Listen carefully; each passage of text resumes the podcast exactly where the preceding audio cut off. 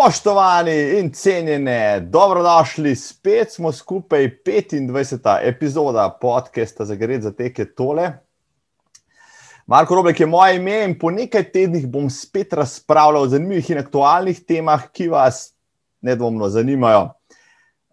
Po sončnem vikendu, ki ste ga nedvomno preživeli na Luftu, no, jaz sem s fanti, sedaj ko je dovoljeno druženje do deset ljudi, to ustrezno proslavil. Eh, in s par krogi po lokalnem ovalu in primerno zdravico potem nazdravil. Hkrati smo obujali še spomine na leto dni nazaj, ko smo, ne vedoč, da je to naša zadnja tekaška avantura za nekaj časa, uživali na maratonu Splitu. No, in o maratonih in potovanjih na njih bi danes rad spregovoril nekoliko podrobneje, a še prej čestitke in pozdravi. Najprej, seveda, čestitke.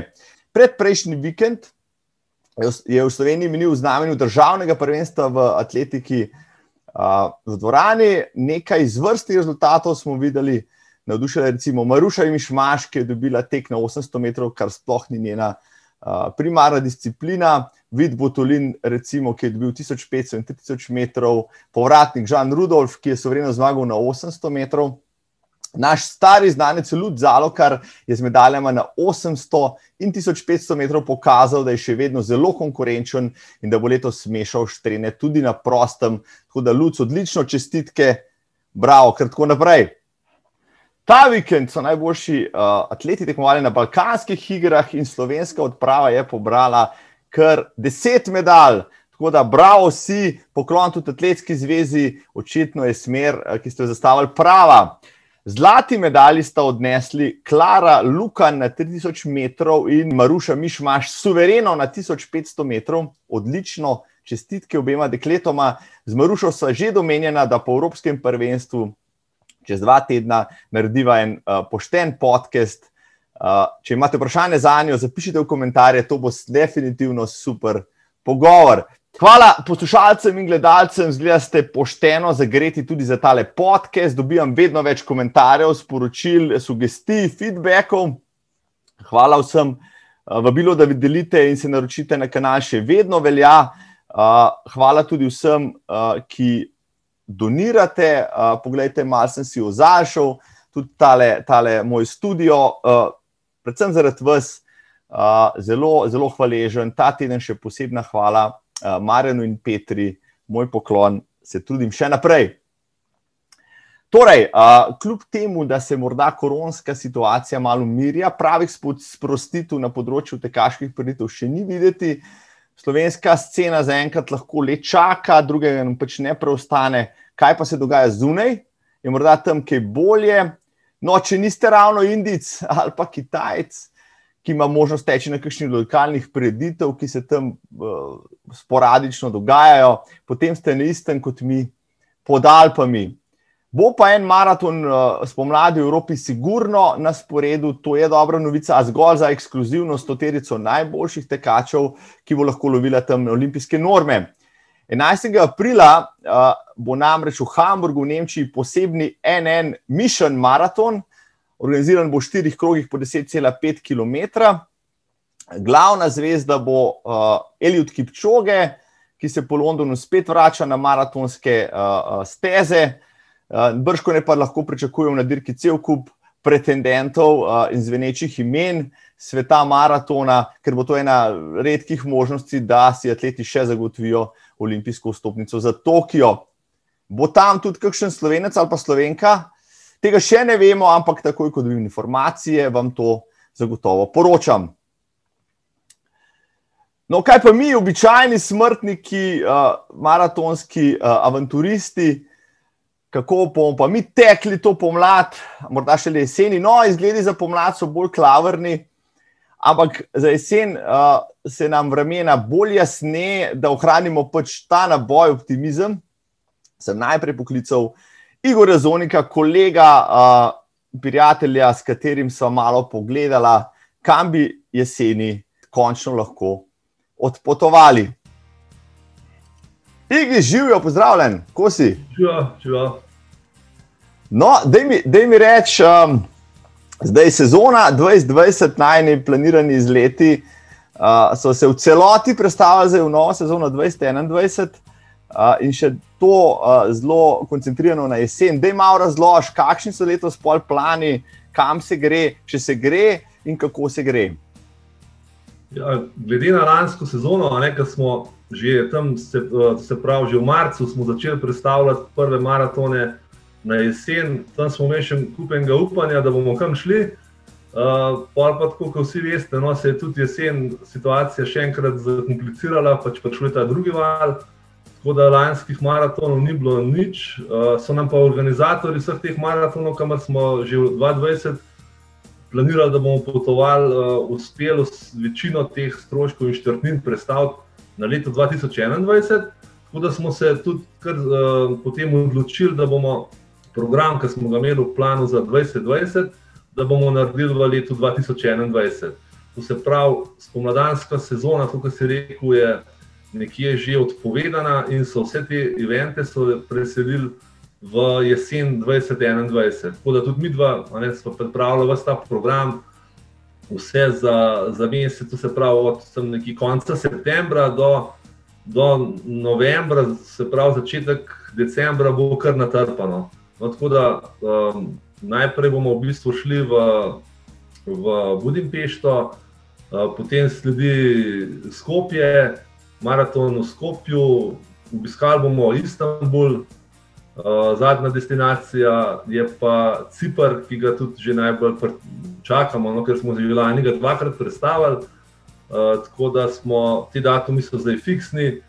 Um, smo bili tudi v stiku z, z organizatorji, ki so nam zagotovili, da zaenkrat te zadeve bodo. Tako da smo v bistvu pripravljamo vso situacijo, da bomo jesen spet nekje probali normalno, tukaj smo v prejšnjih časih, verjetno s kakšnimi kakšnimi približki, um, z nekimi modifikacijami teh potovanj, seveda to vse izvesti. Seveda, kaj, kaj ti pričakuješ, da bodo um, največje spremembe glede na potovanja, ki smo jih bili vajeni, recimo še v letu 2019? Ja, zdaj, kar, kar spremljamo, a ne tudi malo medije, to, kar smo tudi v stiku z organizatorji, vsi pripravljajo neke scenarije, kako bodo te zadeve potekale. Jaz mislim, da bo verjetno bodo, bodo kakšna testiranja, hitra testiranja za vstop. Predvsem mislim, da bo največ teh uh, administrativnih postopkov z letališči. Mi večinoma potujemo tudi z avioni, tako da tam lahko pričakujemo ali kakšne hitre teste, ali bomo že v tistem času tako precepljeni, da, bomo, da bo zadostovalo potrdilo o cepljenju.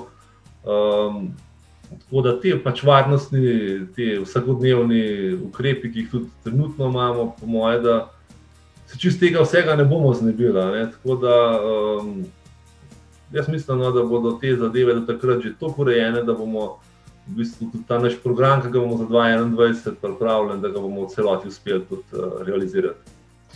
No, to, kar si omenil, najbrž uh, smo vsi pripravljeni potrpeti, glede na to, da nam res že manjka teh uh, popotovanj po Evropi. Um, ali, ali se lahko še kdo, uh, uh, ki bi zdaj še razmišljal, da bi to jesen potoval z nami, tudi če parjavo, imamo še kaj prostih mest, ti si zelo tekočem z vsemi temi številkami. Ja, v bistvu, jaz sem bil zdaj, recimo, zadnji 14 dni, no, ko sem pole mal hodil naokrog, pa sem kar srečal, zdaj je že kar en kup ljudi, ki so se malo regije sprostile in je bilo Eh, zelo veliko podobnih vprašanj, ki smo jih ti zdaj zastavili, kam boste potovali, ali bomo lahko še kam zraven, kako bo.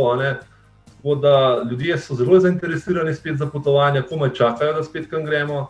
Tako da na vseh, razen Cipr, v Cipru, na Cipru imamo, imamo tudi lahko prijavite v čakalno vrsto, v primeru, da bi slučajno kdo imel kakšne zdravstvene težave, da bi, da bi lahko šli z nami za vse ostale izlete se da pa še normalno parjavati, tudi četrtnino se da še uh, pridobiti, tako da ni problema. Lahko na naši spletni strani www.marathons.si so gor objavljeni vsi ti aktualni izleti, so prijavnice gor in uh, tudi kontakti najni v dubeh, da lahko v primeru kakršne koli vprašanj zadek na ja, pokličete, pa v bistvu tudi vse uredimo, tudi kakšne individualne zadeve, če vas še kaj zanima, kakšne dodatne zadeve ali kakšni otroci potujejo zdaj zraven.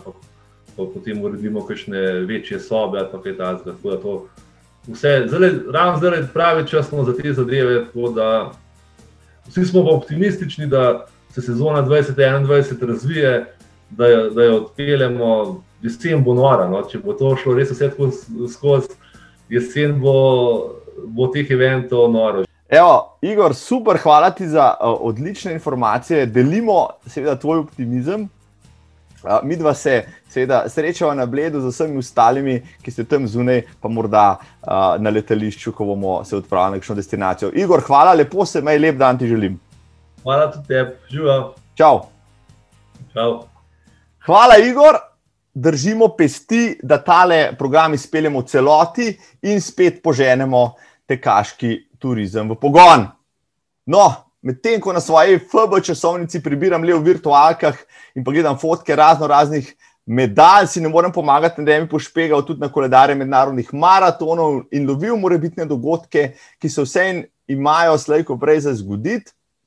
Prva stvar, seveda, ki sem jo na tem koledarju zapazil za prvo polovico leta, so oznake cancelled, postponed ali pa virtual, se pravi, ali odpovedano, predstavljeno ali pa virtualno.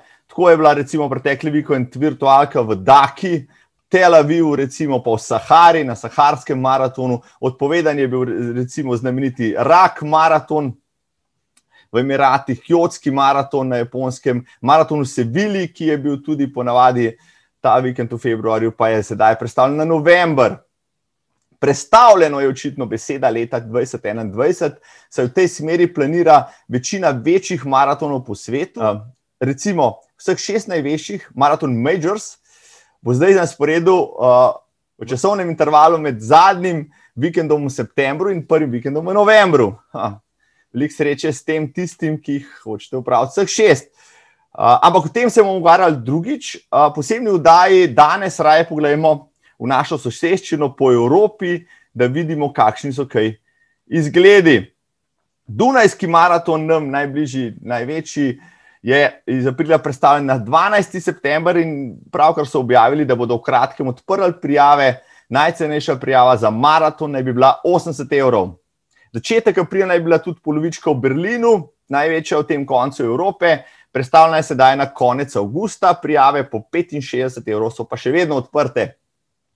Milanski maraton čez mejo proti Italiji so zdaj predstavili za aprila na maj, veliko sreče jim želimo. Bomo videli, kaj se tam zgodilo. Večja verjetnost je, da slej, ko prej tudi ta maraton dobi nek jesenski termin. Pariški maraton, največji trenutno v Evropi, je pa polanski šlamastiki, ko so ga jeseni dvakrat predstavljali, pa zelo slabo komunicirali.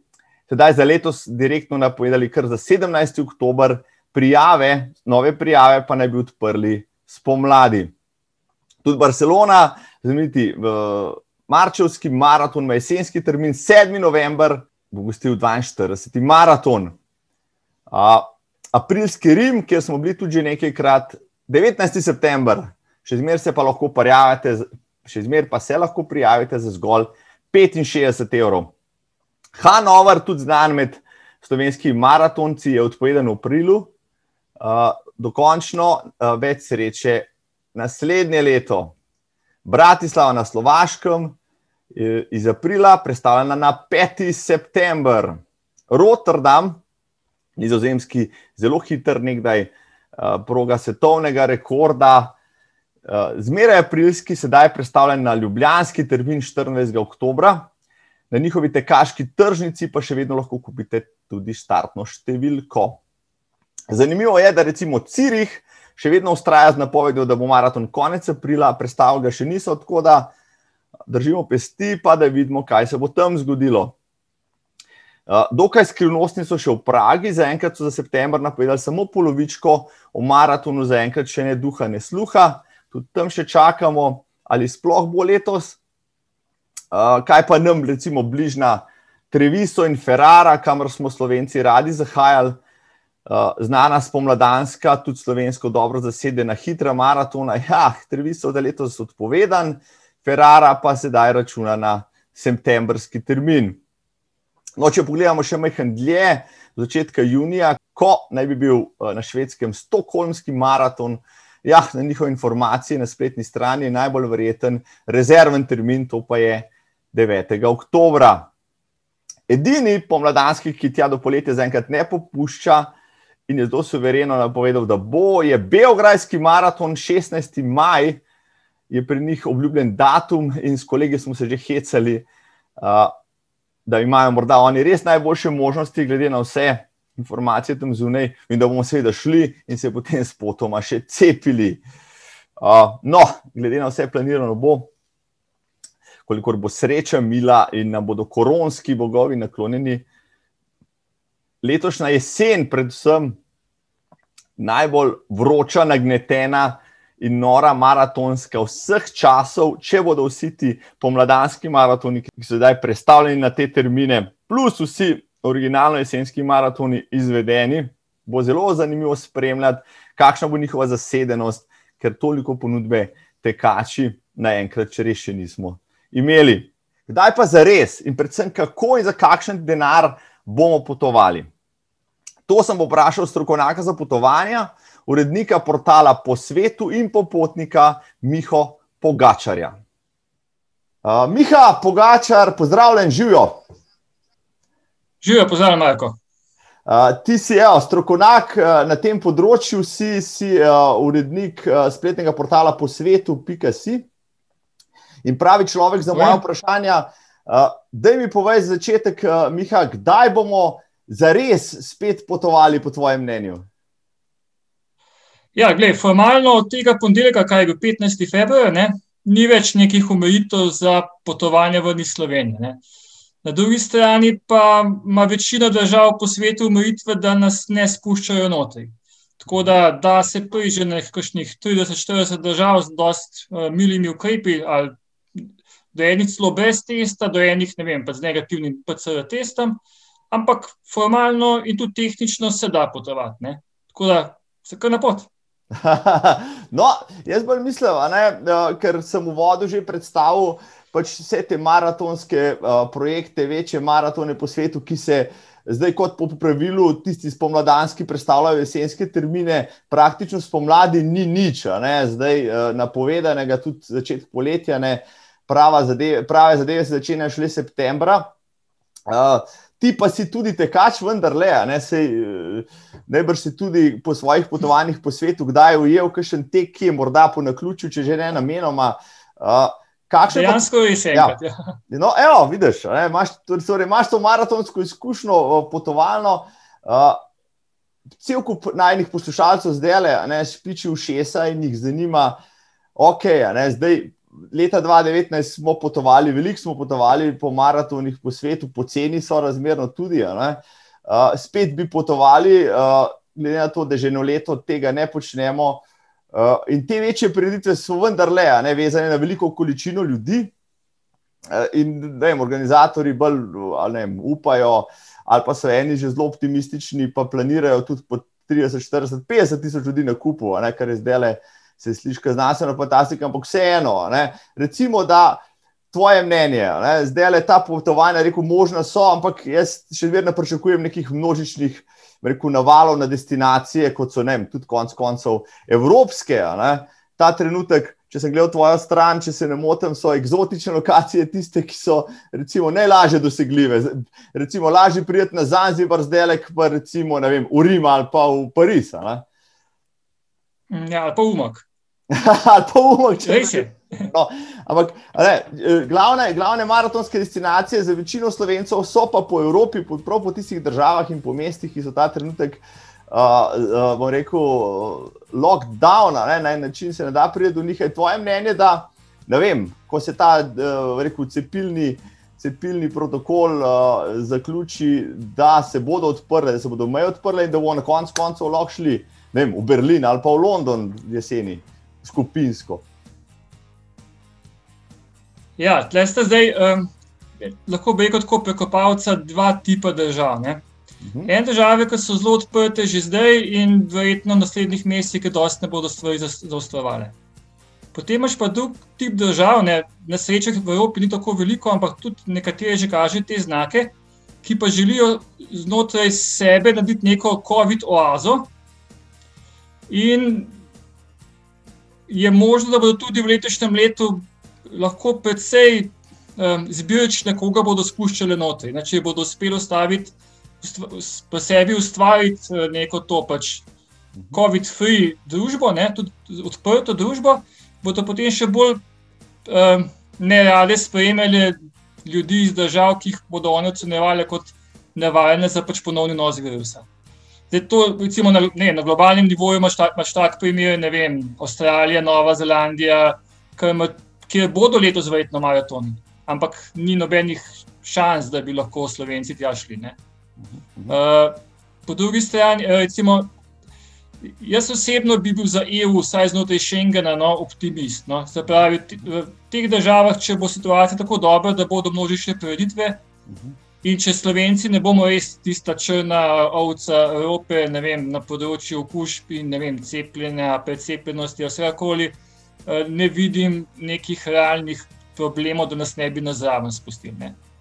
Eh, zdaj, problem so košni otoki, vključno z Veliko Britanijo, ki, ki bodo lahko bolj zaprli meje, recimo, beko, vem, Velika Britanija, ne vem, kakšna Islandija, ki je ta recimo bliže. Ja. Recimo na Cipr novembra ne bi šli, no? in ja. Cipr je tudi otok in ta ja. trenutek ima zelo restriktivno politiko spuščanja, uh, bom rekel, ljudi iz, iz zunaj noter.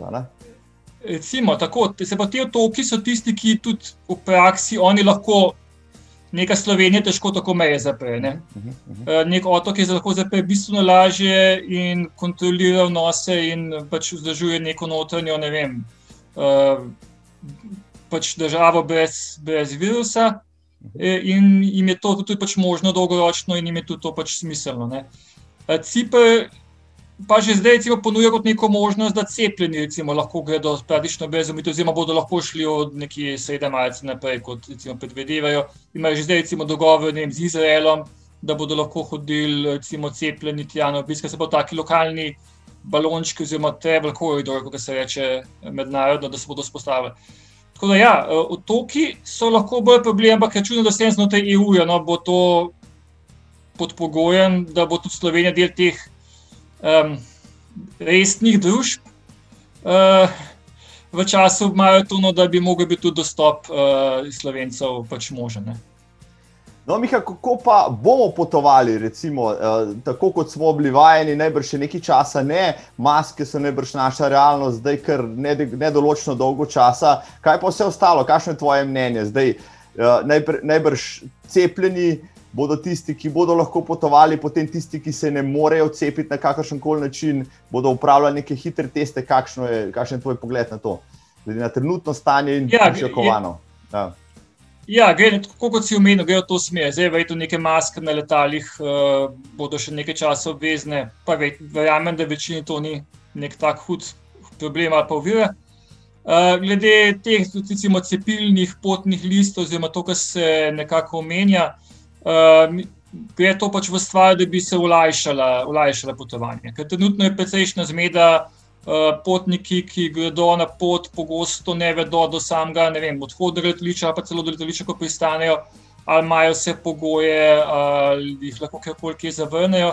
In te aplikacije, mislim, na, recimo, na tem dela mednarodna letalska družba JATA, da bi pač postavili te aplikacije nekje z naslednjim mesecem, uh, so prav v tej smeri, da lahko potnik naprej ve in dokaže, da izpolnjuje pogoje in je potrjen in uh, ima zagotovljeno stop na ciljno destinacijo. Se pravi, če zdaj po, povem recimo, konkretno, kako se to predstavlja. Je, da recimo, vem, država, če si omenil Cipr, ima pogoj, da lahko pride vstopi v njo nekdo, ki je opravil ne, negativen test po tem ali tem standardu, ali je cepljen. In, um, ti boš lahko v to aplikacijo, ne vem, dva dni, tri dni prej uh, pokazal, noter vnesel preko ne vem, QR kod ali pač, pa česar koli uh, svoje podatke, in ti bo, vem, država CIP uh, eh, potrdila, da ustrezaš pogojem za, za vstop v državo, boš dobil spet tam neko QR kodo, ki boš na letališču pokazal uh, na check-inu.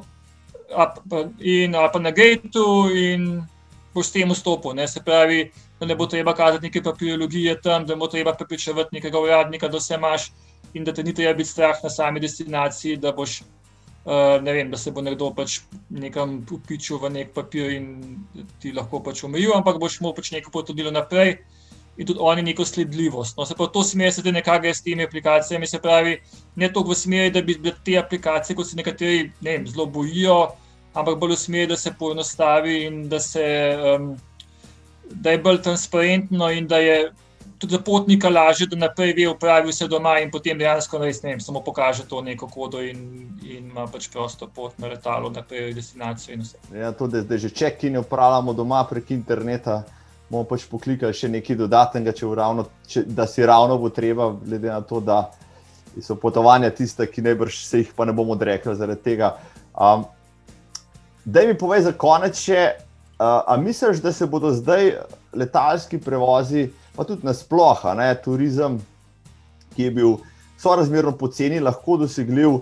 Tudi ti si se s uh, spletni, svojim spletnim portalom specializiral za iskanje rekel, najugodnejših variant in tako naprej. A se bo to zdaj podražilo na globalnem nivoju? Zdaj, dodatni stroški vendarle so, uh, mogoče v začetni fazi tudi, uh, rekel, popraševanje ne bo, ne bo tako veliko. Uh, kakšno je tvoje mnenje tukaj? to je zelo nehvaležno napovedovati, ker so tle. Po eni strani, če imam popraševanje, ne, je običajno stvar lahko tudi cenejša, ne, ker Aha. se bodo družbe borile za pač manj, manj kupcev.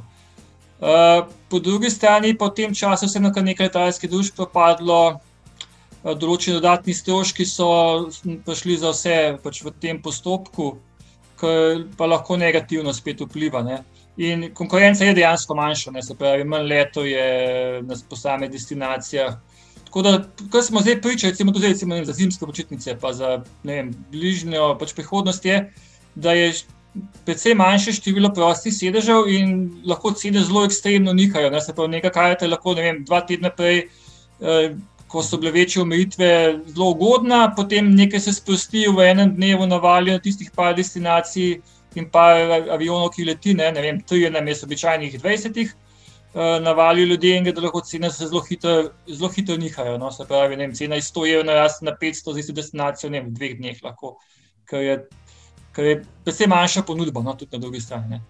Kaj bo pa poleti, ko se vsi malo čakamo, da se bo to sprostilo? No, znotraj Evrope ne pričakujem posebnih podražitev, dokler bodo leteli Ryanair, EasyJet, Vize na te destinacije dvomim, no, da bo dobro, lahko je kartel ne 40 evrov, 80, no, ampak mislim, da zaradi tega tudi noben ne bo bistveno spremenil svojih uh, poti. Ja, no, glede na to, da smo bili res razvajeni, da en tak manjši popravek vrednosti najbrž ne bo, ne bo naredil večje, večje škode. Kam ti uh, najprej potuješ, najbrž imaš že splanirano? Ja, v bistvu potujem po jutrišnjem v Dubaj. Bravo. Uh, vi imerate, no, v bistvu Dubaj bom večinoma spustil, tako da bolj tam hribe in vadje tam okrog, pa malo morja, kakšno potapljanje, snorklanje. Potem pa bomo videli, no, poleti, kaj bo, kaj bo na voljo. Uh, Miha, jaz se ti zahvalil za, za super informacije, za pozitivne novice. No, zdaj, uh, mi uh, bomo spremljali tvoje fotke iz, iz, iz Emiratov, uh, pa držali pesti, da čez pol leta potujemo na, recimo, naš prvi maraton v tujino. Uh, Miha, hvala, se srečamo na teku. Hvala tudi tebi. Čau. Čau. Hvala, Miha, naj se tvoje napovedi uresničijo tudi za naša maratonska popotovanja.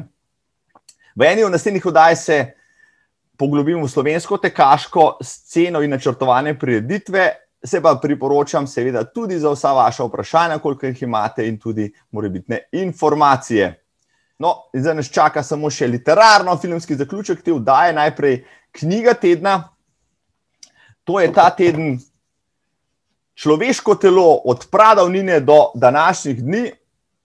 Tale knjigica je kar debela. Uh, kako nas preustvarja svet, ki smo ga ustvarili, je podnaslov te knjige Vibar Krigan Rida, ki se sprehodi skozi zgodovino 500 milijonov let nazaj do sodobnosti ob tem pa enega za drugim niza dejavnike bolezni neskladja, ki jih povzroča prepad med našimi telesi in okoljem, v katerem se pač nahajamo.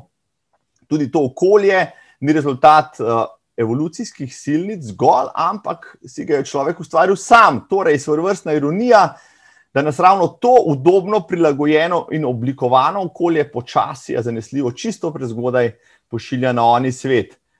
Uh, kar petkrat uh, trdi oziroma dokazuje Vibar Krigen Rid, se je naše telo v zadnjih milenijih popolnoma spremenilo, predvsem zaradi svojega okolja. To okolje smo spremenili pa sami po kmetijski industrijski revoluciji, smo nepovratno spremenili svet, ki smo ga nekdaj poznali v svet, v katerem živimo danes. Torej, ali smo se ujeli v paradoks, ko nam lajšanje življenja s prilagajanjem okolja vrača z več težavami, je naša digitalna, transhumanistična prihodnost tudi v enem naš zaton. Tudi če vam antropologija, sociologija, biologija in zgodovina niso blizu, te knjige res ne boste hoteli odložiti. Bibar Krigan-Rit je predavatelj na Univerzi v Kentu, je izjemen pisec, kar je dokazal že s tekaško knjigo How Running Makes Us Human. Knjiga Človeško telo je prejela tudi uh, nagrado, znanstvena knjiga leta pri Financial Timesu, prevedena pa je že v deset jezikov. Torej, obvezno čtivo po letu, ki smo ga čisto preveč presedeli. Če smo že pri knjigah, uh, ta teden uh, v naslednji epizodi podcasta gostim slovensko avtorico in tekačico Petro Vladimirov. Tudi v knjigah bo govorila, če imate vprašanja za njo, dobrodošli z veseljem, ga umestim uh, v oddajo. In še za konec, evo, film tedna. Kaj se zgodi, ko v manjše kalifornijsko mesto s pretežno latinoameriškim prebivalstvom na srednjo šolo pride učitelj telovadbe, ki sicer nima pojma o teku, a vseeno osnuje cross-country tekaško ekipo iz fantov, ki so slejko vrej vsi tako ali drugače obsojeni na težaško delo in na životarjenje.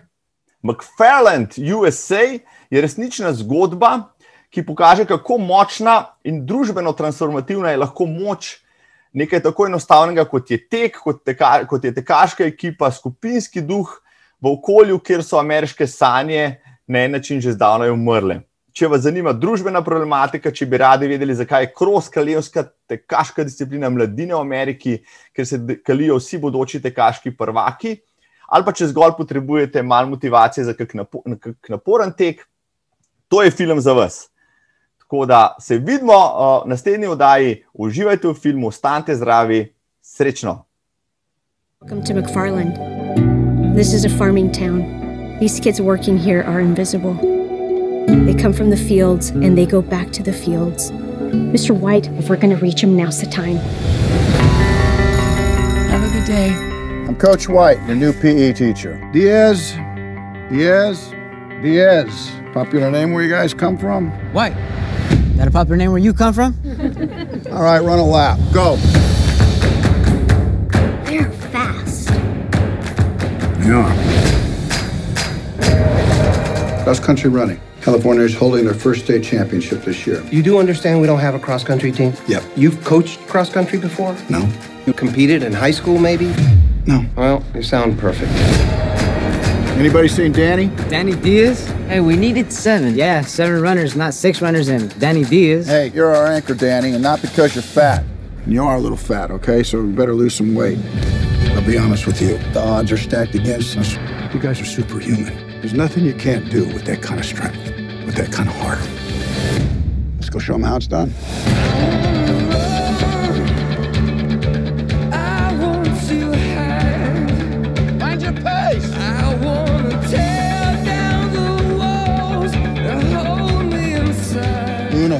Dos, tres.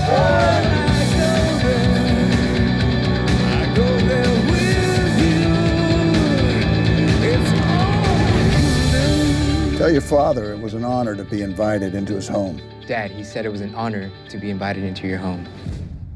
Tell him I say thanks. Well,